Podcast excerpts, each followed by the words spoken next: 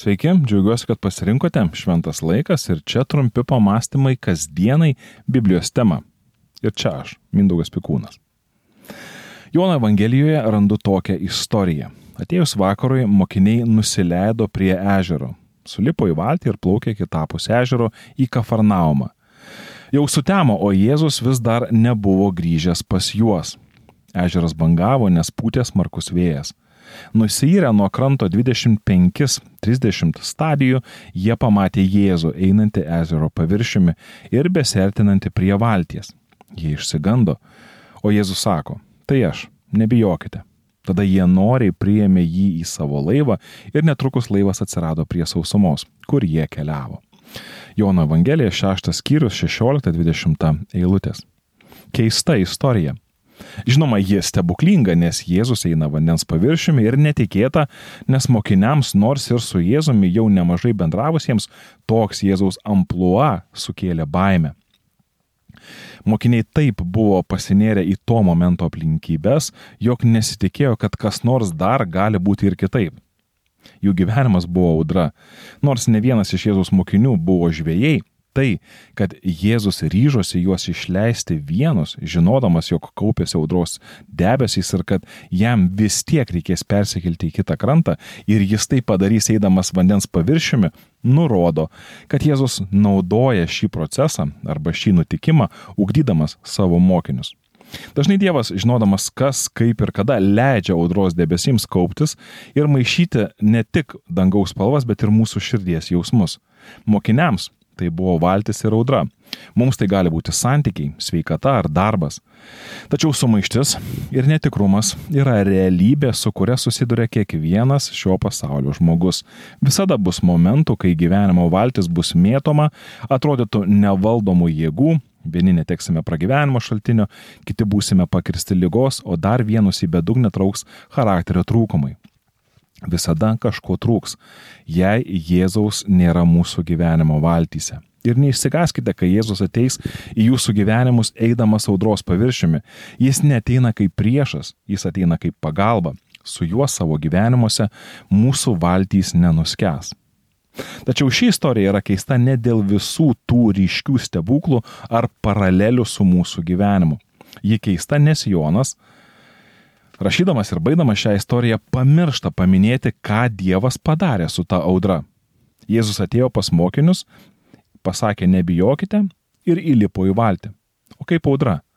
Jonas tik paminė, kad kai Jėzus įlipo į valtį, ši netrukus atsidūrė prie kranto.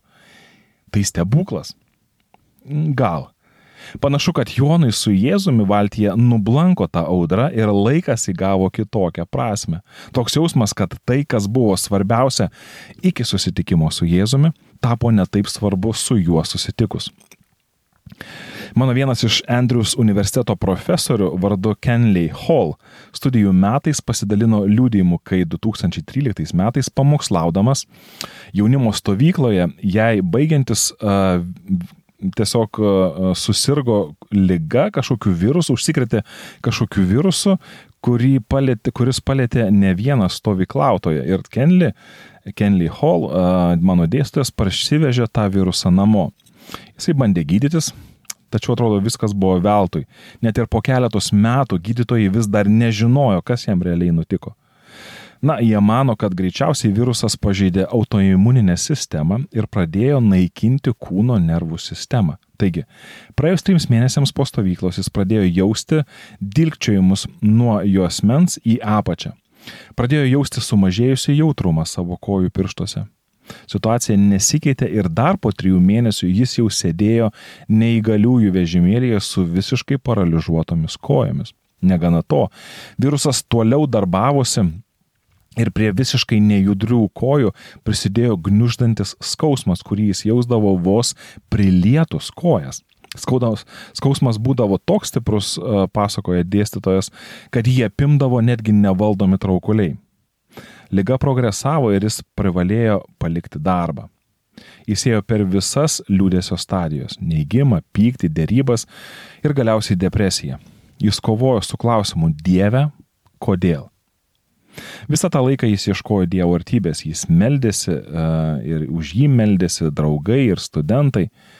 Ir laikui bėgant, labai po truputį e, širdį ne tik jo, bet ir jo šeimos pradėjo užkariauti ramybė. Tokia ramybė, apie kurią kalba apaštlas Paulius. Ramybė, kuri pranoksta supratimą.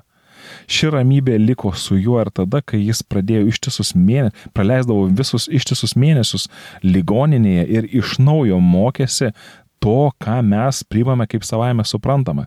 Jis mokėsi, kaip išlipti iš lovos, kaip nuvažiuoti į parduotuvę, kaip eiti į dušą. Jis turėjo netgi išmokti uh, paprasčiausių dalių, dalykų - nuolankumo, kai jo vyriausias sunus ant nugaros jį nešiodavo į autobusą ir laiptais į viršų. Jo paties žodžiais iki šios dienos neturiu tinkamų žodžių išreikšti tą ramybę, kurią man davė Dievas. Ši ramybė man leido pasakyti, man ramu, net jei ir likusi gyvenimą praleisiu neįgaliųjų vežimėlyje, net jei nebus nei vienos dienos be skausmo ar traukulių priepolio, man ramu, nes Dievas mane myli ir vis dar turi planą mano gyvenimui. Jis paskambino kolegoms, savo kolegoms ir pasiprašė grįžti į universitetą dėstytojauti pusę etato bei pamokslauti bažnyčioje. Visi ir pats Kenley patikėjo, kad gyvenimas tiesiog, na, tęsiasi, yra taip kaip yra. Prie namų pasistatė rampą vežimėlių ir pradėjo lankytis pas kineziterapeutą. Po metų sugebėjo jau atsistoti ant kojų. Tada 2015 kovą jis nuvyko į Merlendo valstiją dėstytojauti, net nenutuokdamas, kad ši kelionė pakeis jo ir, visa, ir visų jo studentų gyvenimus. Pirmą dieną į klasę atėjo mergina vardu Lisa Green ir pamačiusi dėstytoją vežimėlėje pagalvojo, kaip Dievo žmogus gali būti neįgalus. Dievas turi kažką daryti, jis turi nedelsiant įsikišti.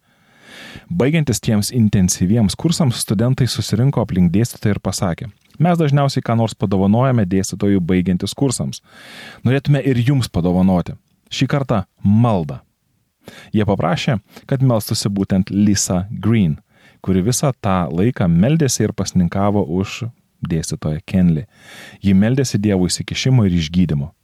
Studentams meldžiantis mano dėstytojas irgi meldėsi, tik jo malda buvo visiškai kitokia.